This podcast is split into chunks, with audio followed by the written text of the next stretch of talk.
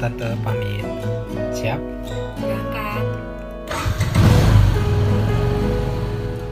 Selamat malam Tika. Selamat malam Raka. Ini normal, sudah benar-benar normal ya, seperti tidak ada corona gini.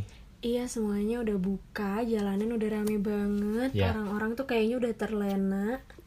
Maksudnya, oke ke kantor kan kebutuhan, tapi jalan tuh perlu banget gitu. Iya, jadi kayak kantor, mall sudah buka lagi. Mungkin mall kan untuk perekonomian ya, Iya. mendorong itu. Terus dari kantor sendiri, pegawai-pegawai udah bisa masuk ke kantor kan, banyak yang udah WFO lah anggapannya. Hmm, sampai klaster perkantoran juga sekarang Ya, yang itu. salah satu yang paling tinggi ya. Ya itu lagi rame banget ya, jadi tolong teman-teman yang pergi ke kantor tetap jaga kesehatan, Hati-hati, tetap waspada ya. waspada, masker dan segala macam itu harus tetap dipakai, Iya, betul. diperhatikan. By the way, gimana kuliahnya kak? Susah banget tanyain kuliah padahal tiap hari juga ngobrol.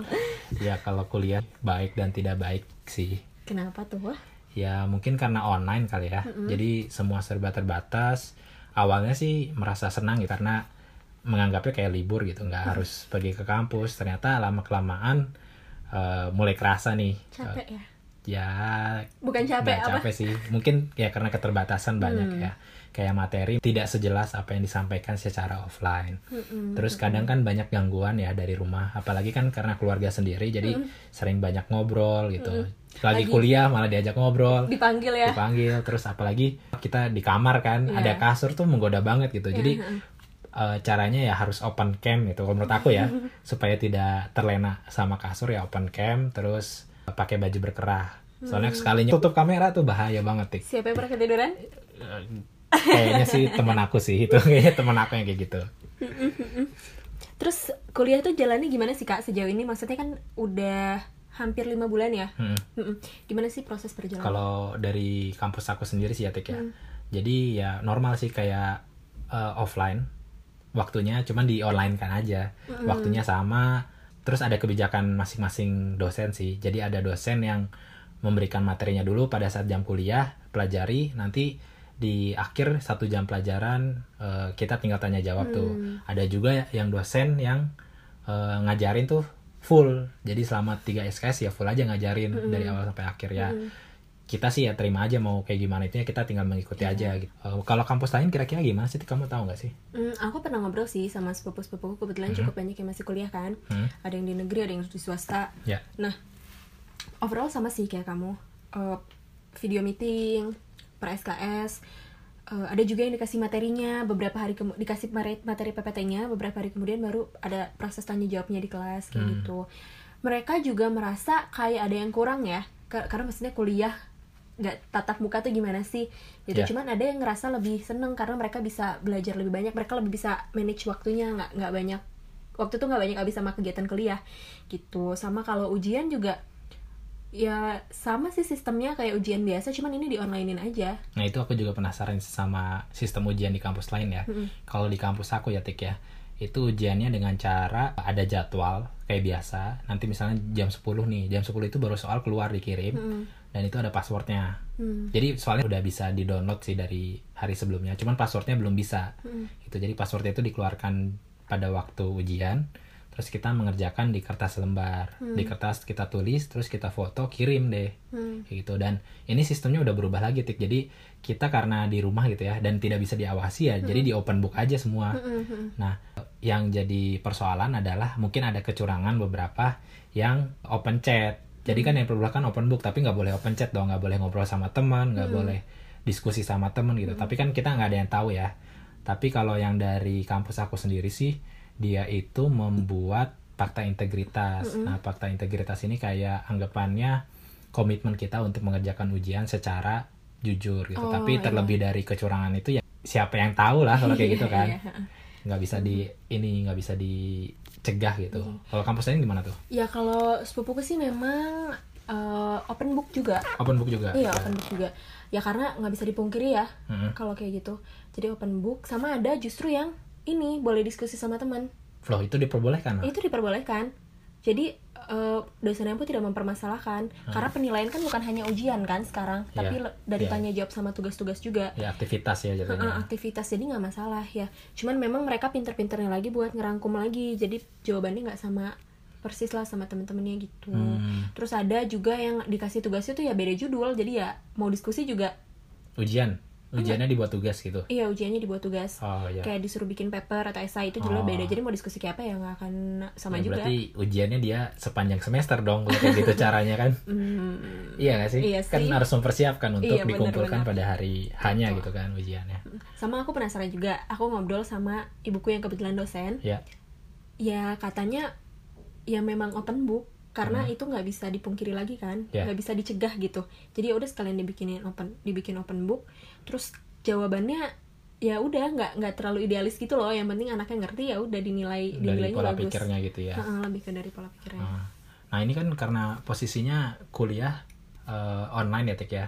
Baru-baru ini tuh ada berita kalau misalnya Menteri Pendidikan kita Nadiem Anwar Makarim itu dilaporkan oleh mahasiswa Mm-mm. eh, ke Komnas HAM Mm-mm. oleh mahasiswa UNES. Udah tahu belum? pernah denger sih itu kenapa sih detailnya Jadi baru-baru ini tuh kalau nggak salah di bulan ini Mm-mm. ada Permendikbud 25 tahun 2020 itu tentang standar biaya operasional perguruan tinggi. Nah itu tuh menyatakan bahwa eh, mahasiswa bisa mengajukan pengurangan cicilan atau penundaan UKT gitu. Tapi nggak dijelaskan tuh. Misalnya pengennya kita berharapnya kalau ada peraturan kayak gitu kan mikirnya UKT bakal turun. Ternyata ini mahasiswa harus mengajukan ke kampus sendiri. Di mana jadi turun atau penundaan atau cicilan itu berhaknya keputusan atas kampus gitu. Hmm. Jadi mahasiswa menganggap ini peraturannya nggak berpengaruh gitu. Maksudnya ketika sebelum juga mereka mem- memiliki hak yang sama gitu. Jadi apa bedanya peraturan ini kepada saat pandemi itu? Mm-mm. Sampai eh, Nadiem Makarim tuh bilang kalau misalnya ada ini kasusnya karena di kampusnya itu ada mahasiswa yang mengajukan tapi ditolak. Mm. Nah itu jadi Nadiem Makarim bilang kalau misalnya ada yang kayak gitu silahkan lapor ke Kementerian Pendidikan dan nanti Kementerian Pendidikan yang akan memberikan ketegasan gitu ya untuk pihak kampus. Tapi mungkin di sini mahasiswa tuh lebih pengennya adalah ya men- Kementerian Pendidikan ini kalau ngasih aturan ya yang tegas gitu ya. Hmm. Mungkin kalau emang ada pengurangan ya sebutlah pengurangan minimal berapa, maksimal berapa atau dis- atau ada aturan distribusi silang atau Iya, gimana intinya betul. minta ketegasan peraturan. Ya setuju sih. Mungkin dari mahasiswa sih pengennya kan karena kondisi kayak gini pengen ada pengurangan yang jelas ya. Mm-mm. Jadi bukan kita mengajukan tapi udah dari pusat yang memiliki wewenang lebih memberikan peraturan yang misal dipotong 10% ya udah 10% gitu. Tapi yang tadi kau bilang itu harus adil ya. Misalnya adil itu nggak harus selalu sama. Artinya 10% nggak bisa dikenakan untuk seluruh mahasiswa. Hmm. Jadi mungkin bisa dicocokkan sama data pembayaran golongan UKT gitu ya. Mm-mm, Jadi ketika golongannya yang bayar tinggi itu kena rasio penurunan yang rendah. Sedikit, mm. Nah, sedangkan yang golongan yang bayarnya rendah, bayar UKT-nya rendah, mendapatkan pengurangan yang lebih besar rasionya gitu. Itu kan artinya adil ya. Artinya yang mampu bisa mendorong dan sama-sama semuanya mendapatkan pengurangan gitu. Mungkin itu yang dituntut oleh mahasiswa. Nah, karena sebenarnya kampus sendiri struggling ya Ya, ha, buat tetap bayar karyawannya Betul. untuk fasilitas kan gedung kalau nggak dipakai kan kadang lebih cepat Iya. rusak ya betul. Nah, itu juga maksudnya kalau mahasiswa menuntut ya jangan sewenang-wenang pemotongan 50%. Jadi kan emang kebutuhan itu yang tahu emang dari kampusnya sendiri kan. Kalau misalnya dipotong 50% nanti pasti bakal kena dampak. Contohnya dosen. Dosen dibayarnya pakai apa tuh? Terus eh, misalnya orang-orang yang kecil lah di apa di kampus misalnya OB kalau ke- kalau dipotong juga kan kemungkinan mereka juga akan memberi eh, kena dampak Iya, pengurangan juga gitu kan atau bahkan sampai PHK. Iya. Jadi kalau misalnya mengajukan tuntutan melihat dari dua sisi lah anggapannya. ya mungkin kampus juga harus ngejelasin sih kalau emang nggak ada pemotongan atau pemotongan berapa persen ya dijelasin lah tujuannya buat apa yang spesifik jadi terbuka gitu Hmm. Ya datanya betul. Ya Mungkin- kebanyakan sih banyak yang ininya bilangnya kalau kampus kurang komunikatif sama Iya, mahasiswanya. iya, Jadi iya. emang harus ada eh, dari dua pihak Iya, harus sama-sama komunikatif gitu ya, Iya, ya. Terus ini kan memang semua berat ya Iya. karena di perkuliahan dan kita juga mungkin akan membahas dari adik-adik kita nih SMA, SMP, SD dan Tahu. PAUD. Jadi gimana sih menurut kamu pendidikan PJJ untuk mereka semua? sebenarnya aku nggak akan banyak bahas sih karena eh, secara kemampuan udah lebih oke Iya betul. kemampuan berpikir udah lebih oke mereka udah bisa lebih tanggung jawab lah ya Mm-mm. cuman yang lucu adalah ini bukan lucu sih sebenarnya ini pengalamanku sendiri memang kalau PJJ untuk eh, TK dan SD itu sesusah itu Iya. ya karena mereka ini kan masih belajar ya dan peran guru tuh sebenarnya penting banget. Betul. Tapi sekarang dialihin ke rumah orang tua jadi harus terlibat 100% ya itu susah banget apalagi anak-anak tuh moodnya bagus. Setuju. Terus-terusan. Jadi ceritanya yang lucu nih ya kak. Eh, aku tuh punya ponakan kan TK sama SD Mm. nah misalnya mereka lagi tatap muka lagi eh, zoom meeting itu terus nanti tiba-tiba di grup orang tua murid tuh ada yang bilang aduh anakku belum mood nih. Iya iya. Jadi nggak mau atau iya nih nggak laptopnya lagi dipakai Iya, nggak betul. bisa. Ya itu itu beratnya itu. Makanya kenapa eh balik lagi komunikasi itu penting banget antara guru sama orang tua. Apalagi kalau misalnya temen apa adik-adik kita ini sebenarnya belum punya device lah anggapnya Iya. belum punya alat-alatnya. Jadi dipinjamkan sama orang tuanya. Tapi di sisi lain orang tua juga harus bekerja ya dengan alatnya tersebut. Nah ini juga lagi rame juga tik di media sosial kalau misalnya ada salah satu orang tua yang marah-marah nih karena sekolahnya tuh secara online jadi dia harus mengurus semuanya Iya. gitu kan. Anaknya mana moodnya? Nggak mood. Moodnya nggak ada gitu. Harus diajak dulu harus dikasih makan atau apa dibujuk-bujuk dulu. dulu. Oh gitu kan. Itu kan jadi mungkin dia juga pada titik frustasi emosi jadi meluapkan itu semua. Sampai guru-guru dianggap sebagai eh, makan gaji buta. makan gaji buta. Itu kan maksudnya menyakitkan ya. Padahal di satu sisi guru-guru juga sedang berjuang nih Iya. mencari pembelajaran yang terbaik untuk murid-muridnya kalau kita lihat dari sisi guru sebenarnya bukannya mengasihani tapi ya memang berat gitu Hmm. karena ya harus cari cara pengajaran yang paling tepat apalagi buat anak-anak yang masih TK SD Hmm. terus udah gitu pusing sama target capaian siswa betul jadi memang ya balik lagi sih komunikasi dan pengertian tuh penting banget ya penting banget empati tuh penting banget Sebenarnya udah tahu belum sih Tika kalau sekolah udah boleh buka lagi? Udah sih aku udah tahu itu buat di zona hijau tapi Hmm. baru eh, kayaknya baru kemarin atau beberapa hari yang lalu udah mulai dibuka peraturan buat yang zona kuning juga Ya Iya. betul. Jadi berdasarkan SKB surat keputusan bersama siapa aja Tik? Kementerian Kesehatan, Ya kesehatan. Pendidikan, Agama sama Kemendagri. Ya betul. Jadi atas SKB nomor 516 tahun 2020 tentang panduan penyelenggaraan pembelajaran di masa pandemi itu tuh asalnya tuh cuman zona hijau doang. Hmm. Itu terbitnya di bulan Juli kalau nggak salah. Mulai untuk tahun ajaran baru ya. Tapi per 5 Agustus kemarin ada SKB revisi. Jadi zona hijau itu ditambah dengan zona kuning itu bisa melaksanakan tatap muka, pembelajaran tatap muka. Nah, padahal eh, kalau kita lihat ya dari datanya, kalau zona hijau doang yang kita kita bolehkan itu hanya sekitar 6% aja. Sisanya itu ada di zona kuning, oranye dan merah. Sedangkan kalau zona hijau dan zona kuning disatukan menjadi 43%, yang artinya kan hampir setengahnya nih masih Iya. bisa, bisa membuka pembelajaran Tatap gitu ya. Hmm, gitu. Nah, ini juga nggak serta-merta semuanya harus membuka tuh. Jadi keputusannya tentunya dari eh, Satuan Tugas COVID Nasional daerah itu udah statusnya hijau atau kuning gitu atau yang lainnya. Nanti diturunin lagi tuh ke pemerintah provinsi boleh nggak nih membuka pembelajaran baru? Misalnya boleh turun lagi ke pemerintah kota atau kabupaten gitu boleh atau tidak? Nanti punya hak lagi nih dari sekolah. Hmm. kalau misalnya lingkungannya sudah menyetujui sekolah boleh menentukan membuka atau enggak. Nah tapi selanjutnya lagi nih ada berhak lagi yang justru pada orang tua jadi kalau misalnya menurut orang tua di wilayahnya masih atau tak khawatir lah anaknya kena gitu ya orang tua berhak menolak anaknya tidak mengizinkan anaknya untuk sekolah Ya karena sebenarnya resikonya juga cukup besar kan. Betul. Terus sama ini sih pembukaannya tuh sebenarnya dari SMA, SMP itu udah paling cepat bulan Juli. Hmm. Jadi ini sebenarnya udah bisa nih SMP SMA untuk zona-zona itu. Hmm. Sedangkan untuk SD itu paling cepat bulan Agustus. Ini sekarang mulai masuk ya SD. Terus PAUD paling cepat itu bulan Oktober. Nah, itu pun harus ketika zonanya sudah memenuhi dan semua izin diperbolehkan, itu harus ada dua fase gitu, Tik. Jadi ada masa transisi dan masa kebiasaan baru. Jadi ketika masa transisi dua bulan, terus habis itu masa kebiasaan baru satu bulan, baru boleh ke yang normal. Gitu. Tapi kan itu syarat yang harus dipenuhi sama sekolah juga cukup banyak ya. Mm-mm, betul, Dari infrastruktur, betul. Protokol kesehatan, Hmm. harus ada apa? Harus pakai masker, cu- eh, tempat cuci tangan. Iya. Terus satu kelas tuh cuman boleh maksimal 50%. Ya betul. Jadi kalau yang di peraturan itu kalau nggak salah 18 orang ya. Mm-mm. Jadi misalnya satu kelas ada 36 orang, kita bagi dua 18 orang. 18 orang berangkat ke sekolah, 18-nya belajar di rumah. Jadi kayak shift-shiftan gitu Hmm, kan. Betul. Dan ini pun ketika ada perubahan status ya, Tik, ya, misalnya dari oranye justru eh, dari kuning ke oranye. Nah itu harus langsung ditutup lagi. Oke. Pembelajar apa sekolah harus ditutup lagi dan mulai dari kalau misalnya mulai lagi ke hijau nih statusnya, berarti mulai lagi pakai fase yang tadi dari awal. Ya karena salah langkah takutnya jadi kayak Israel ya. Betul, setuju banget tuh kayak Israel kan karena Menteri Pendidikannya menganggap eh, corona belum apa udah turun dan udah normal lah anggapannya boleh dibuka lagi kan. Ternyata Boom. booming gitu jadi malah tambah banyak yang terpapar dari pendidikan. Terus kalau dari SKB kemarin tuh ada perubahan lain gak sih?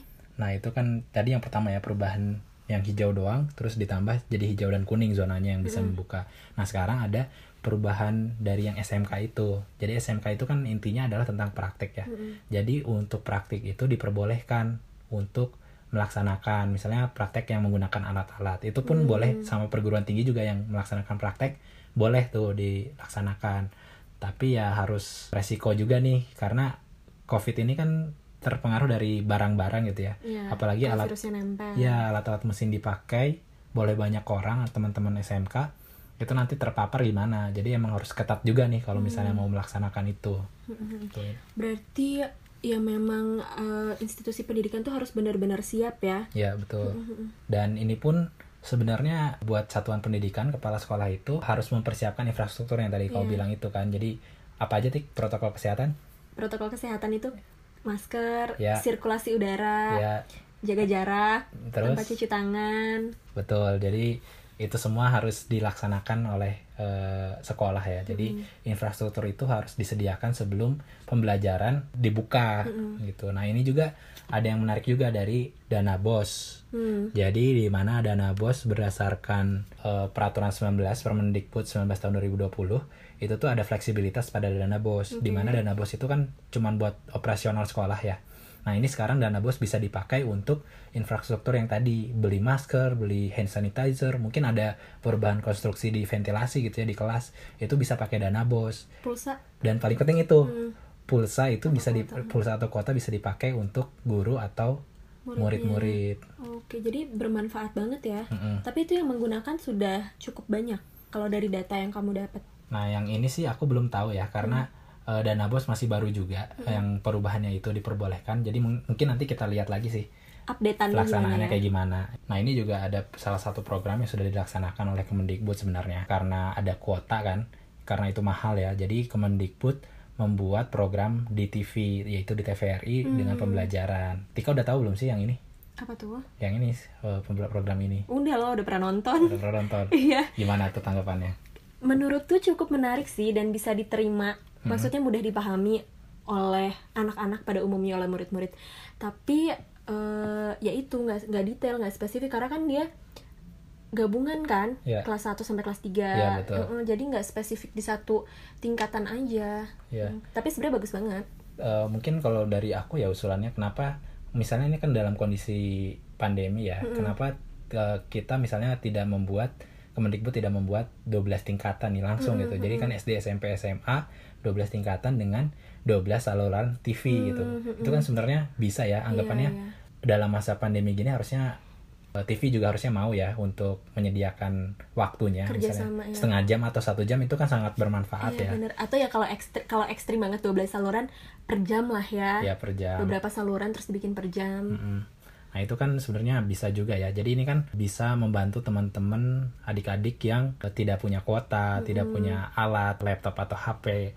Jadi menggunakan TV aja nanti tinggal guru-gurunya yang mensupervisi tuh pekerjaan murid-muridnya. mungkin tugasnya bisa dikasih dari materi yang itu ya Ya mungkin ini juga nggak bisa sih ya kalau dana bos disatuin semua terus buat dana anggaran Berat TV ya. gitu ya mungkin berat juga. Cuman ya itu Salah mungkin salah satu cara bisa ya. Heeh. Hal yang mungkin ya. Heeh. Oke. ya mungkin udah diomongin tapi kita nggak tahu aja ya Betul betul. Ya, siapa tahu kamu didengar sama orang Ya, sana Betul betul. Terus ini juga ada nih dana bos ya yang menarik ya. Jadi belakangan ini ada berita kalau misalnya ada 64 kepala sekolah di Riau itu mengundurkan diri secara serentak. Oh ya Iya. kenapa Itu karena mereka diancam oleh LSM-LSM tertentu ini valid infonya valid, valid valid LSM tertentu yang bekerja sama dengan penegak hukum.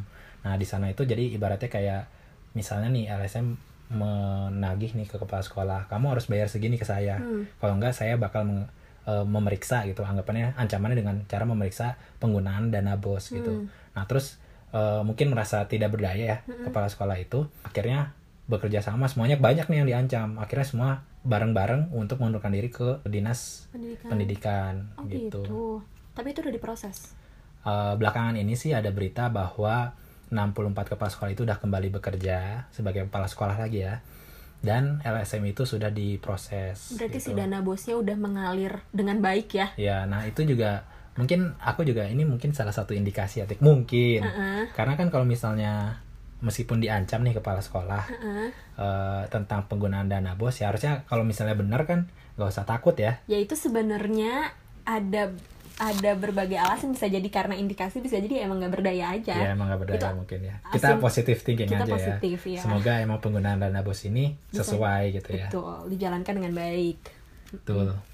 Oh ya eh, ini dana bos ini bisa digunakan untuk seluruh sekolah swasta dan negeri? Atau gimana? Karena sepengetahuanku untuk swasta sendiri nggak optimal kan ya penggunaannya. Nggak nggak banyak eh, sekolah-sekolah swasta yang pakai dana bos mungkin karena udah ada yayasan sendiri atau Betul. memang sudah bisa memenuhi kebutuhannya sendiri. Nah, jadi kan ini dana bos itu sebenarnya untuk eh, yang kayak anggapannya pem- bantuan pemerintah gitu ya. Iya. Artinya kalau misalnya sekolahnya memiliki iuran yang tinggi, ya itu nggak bakal dikasih dana bos. Hmm. Jadi sebenarnya ada swasta yang misalnya itu dapat ya bisa gitu, asal memenuhi kriteria-kriteria yang sudah ditentukan. Hmm. Nah, tapi kalau yang ini ceritanya ya, kalau dari mulut ke telinga ya, orang-orang mulut ke mulut kan nggak enak kan? dari udara ya mulut ke telinga gitu. Jadi pembicaraan kalau misalnya tahap eh, kalau yang sebelumnya itu dana bos itu ada oknum-oknum tertentu yang memainkan. berarti ini infonya tidak valid tapi dipercaya Ya, oleh banyak dipercaya orang banyak orang. Jadi ada oknum yang datang ke swasta terus misalnya mau nggak dapat dana bos, misalnya dapat dana bos 100 juta.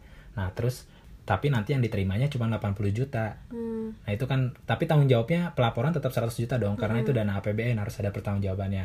Nah, dari pihak swasta ya nggak mau dong kalau misalnya dapatnya 80 juta tapi tanggung jawabnya 100 juta. Swasta kebanyakan menolak ya. Itu juga mungkin salah satu skema yang dari dulu ya. Skema yang dulu itu adalah uang itu dana bos itu dapat dari pemerintah pusat terus dialirkan ke pemerintah daerah baru ke rekening sekolah.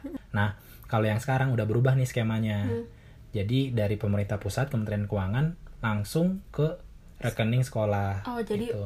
langsung ya nggak ada perantara lagi Perantara cuman eh, apa ditentukan dan disetujui oleh dinas pendidikan gitu. Hmm. Nah ini kan sebenarnya menuntut akuntabilitas dan transparansi ya. Jadi lebih jelas lah Iya. kalau misalnya langsung kan. ya karena kebutuhannya kan sekarang banyak juga ya Mm-mm. dana bosnya Nah berkaitan dengan dana bos nih, Tik. kemarin aku kasih tahu kamu kan ada talk show Yap. di acara TV tertentu dengan tamunya tuh KPAI Iya. yang menyatakan tidak setuju Yang dengan dana protes bos ya? sebagai solusi yang tadi ya. Ya sebenarnya emang benar sih kalau misalnya bukan eh, bukan jalan keluar ya, tapi benar kalau misalnya dianggap sebagai solusi. Iya, iya. Salah satunya untuk membantu eh, Biaya. biaya misalnya pembukaan terus kayak kuota kayak Iya. gitu ya. Dari KPAI juga menuntut Kemendikbud untuk mengubah kurikulum. Mm-mm. Mungkin seharusnya dilihat dulu nih kurikulum yang mau disederhanakannya bagaimana. Tahu nggak sih kalau kurikulum sekarang tuh jauh berbeda banget sama yang tahun kita sebelumnya. tahu dong jelas dulu kan kita kata SP ya ya itulah Kurtilas. Dulu yang kita yang kita Ya. nah terus uh, waktu zaman kuliah tuh tahun 2013 itu mulai keluar kurtilas Mm. kebetulan waktu itu aku neliti juga tentang kurtilas jadi aku Ya. cukup paham lah tentang prosesnya Uh, dia kan student center learning ya Iya. gitu tapi kalau menurutku pribadi eh, di masa pandemi ini si student center learning ini berjalan dengan tujuannya karena memang eh, murid-murid tuh diarahkan dituntut untuk bisa berpikir sendiri mereka explore sendiri bener-bener sama guru tuh cuma tanya jawab aja tapi balik lagi karena nggak tatap muka jadi pasti ada kesulitannya lagi nah makanya ada lagi pembaharuan kurikulum khusus kurikulum untuk kondisi khusus ya Iya, betul. Ya. Nah, di kurikulum ini tuh menarik juga, Tik. Mm-mm. Karena kalau yang misalnya dari kurikulum anggapannya ada banyak nih ya. Tapi untuk yang kondisi kayak gini, Mm-mm. itu cuma dipilih yang esensial. Aku belum menemukan sih kata-kata ensi- esensial di Implisit peraturan. lah ya. Nah, itu mungkin cara penyampaian dari Kemendikbud eh, menyampaikan kepada masyarakat lebih mudah lah ya. Nah, jadi di sini tuh misalnya anggapan kita ada tujuh bab nih yang harus kita pelajarin semuanya. Tapi karena dalam kondisi kayak gini, kita pilih eh, dari dari sekolah boleh memilih yang esensial yang mana. Misalnya lima yang esensial, boleh. Terus nanti diturunin lagi nih ke guru. Menurut guru cuma ada tiga yang esensial. Ya udah tiga aja ini yang di- diberikan, diajarkan ke kepada murid-murid selama satu semester. Hmm, jadi mungkin guru diminta untuk memilih kira-kira materi mana aja yang kalau murid paham tentang konsepnya tuh murid bisa paham juga ke materi lainnya gitu ya. Iya betul. Jadi pembelajarannya lebih mendalam pada materi-materi esensial itu. Hmm, Dan ini juga penilaiannya tergantung gurunya ya. Jadi Iya. anggapannya ini kan lebih fokusnya keselamatan, kesehatan maupun pada perilaku. Iya. Jadi selama eh, murid-muridnya mengikuti arahan guru ya itu dianggap poin lah. mm-mm. Kalau misalnya mereka udah terlibat ke proses pembelajaran itu udah poin sendiri ya. Hmm, betul.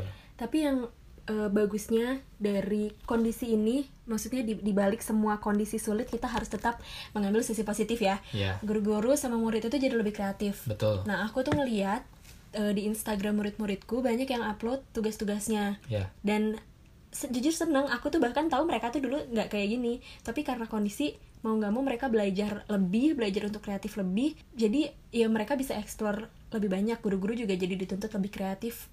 Yang mana itu menurutku adalah satu langkah yang cukup baik lah untuk para guru.